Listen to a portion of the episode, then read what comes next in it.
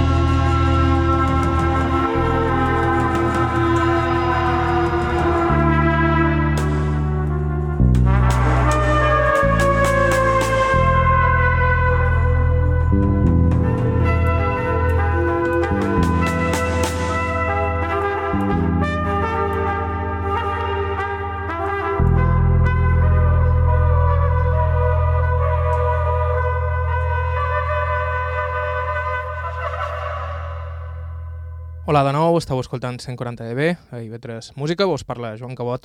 Avui hem començat aquest nou programa amb la música de Mark Cunningham, un trompetista per qui sentim una gran devoció tant artística com personal i que acaba de publicar Odd Songs, un recopilatori en casset de cançons de procedència diversa enregistrades entre 2012 i 2019 i que suposa la seva primera referència en solitari des del llunyà Blood River Dusk de 1997.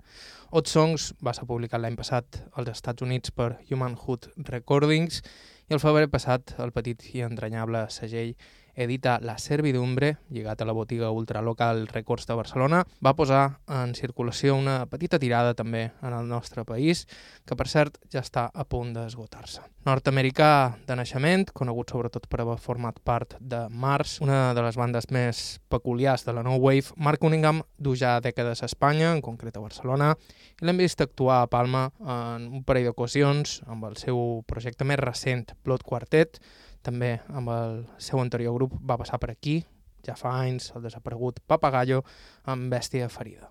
Amb aquest tema, titulat Nick Drake, hem iniciat un nou repàs a algunes de les novetats que ens han caigut a les mans en les darreres setmanes. Això és Monfi Has to Pay, primer tema del nou disc de Tomaga.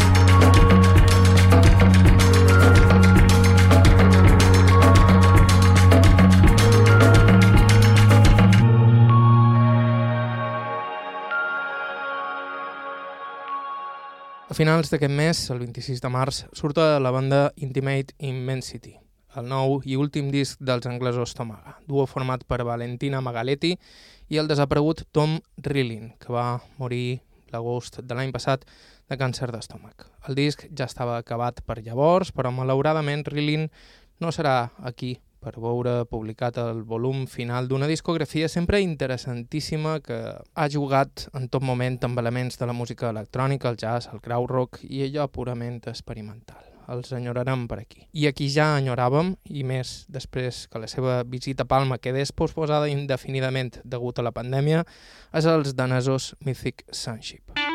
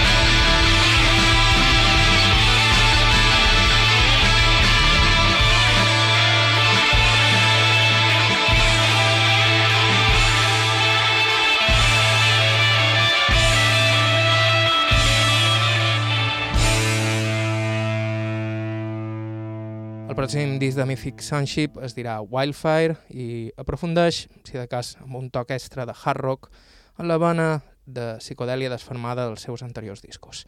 El tema que acabam d'escoltar era Going Up i el segon avançament del disc, que serà publicat el pròxim 2 d'abril. La banda, recordem, tenia un concert confirmat a Palma el passat 28 de març l'any passat, que es va haver de suspendre per raons òbvies. Un altre grup que també estaria molt bé veure per aquí en format de banda són els anglesos Not, G-Not o com vulgueu dir-los. Un dels pilars de l'underground britànic, responsables una discografia plena de girs inesperats però sempre transitant dels racons més oscurs i catàrtics del rock. El grup de Salford ha anunciat el pròxim 7 de maig l'edició de Easy to Build, Hard to Destroy. La seva primera recopilació en recullen cares bé i cançons no publicades anteriorment i que torna a donar testimoni del caràcter indòmit d'una banda que sempre ha demostrat ser absolutament inquieta i mutant. Això és They Live.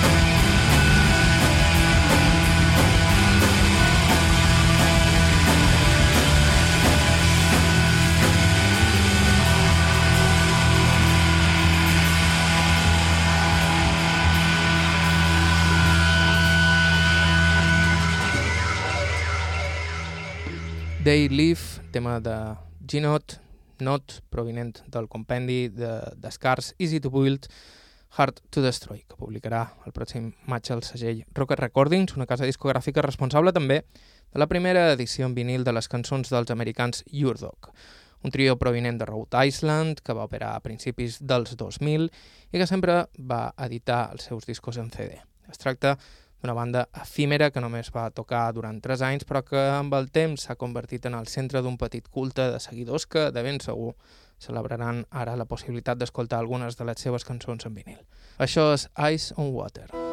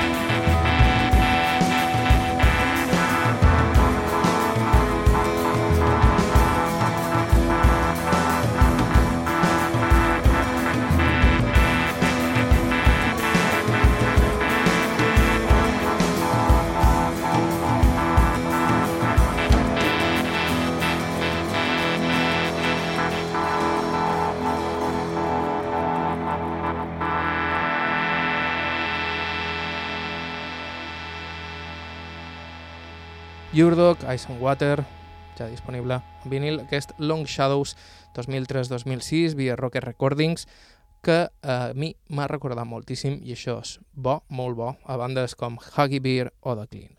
Estau escoltant 140 dB a IB3 Músiques, 140 dB podcast arroba gmail.com Moment ara pels nostres estimadíssims de Body, que continuen la seva batalla contra la humanitat amb I've Seen All I Need to See, el seu nou disc.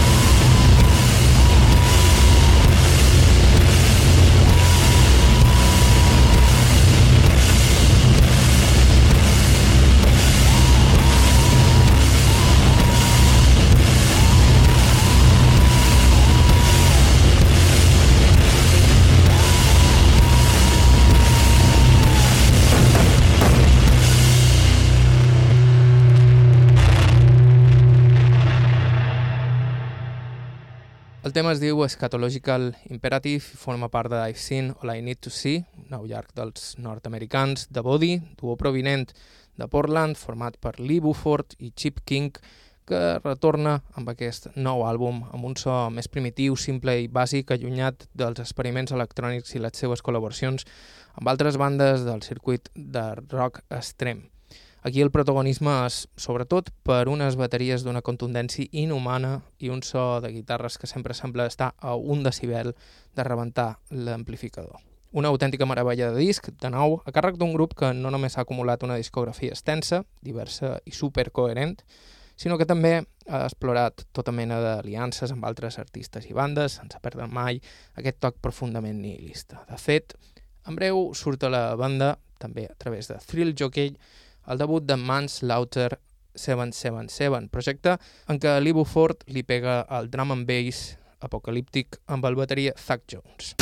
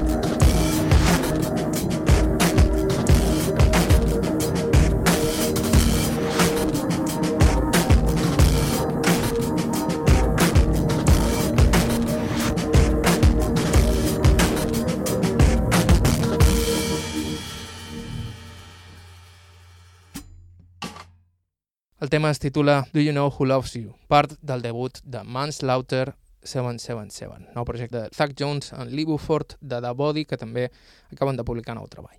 I per tancar el programa d'avui, una cosa bastant més amable i tranquil·la. Ens acomiadam amb String Songs, firmat per Ashley Bellwin i Ben Bracken i publicat per The Buckle Records. Un disc amb només tres cançons compostes amb dos instruments de corda creats pels mateixos músics i que donen un aire onínic i panoràmic a uns temes que naveguen entre el minimalisme i l'ambient. Amb String Songs, ultra recomanable, posam punt i final en aquest nou programa de 140 dB, vos recordam al nostre correu 140dbpodcast.gmail.com i també que la millor manera de seguir-nos és via podcast a qualsevol dels agradadors que hi ha disponibles. Salutacions d'aquí vos parla, Joan Cabot. Gràcies per ser a l'altre costat i fins d'aquí un parell de setmanes.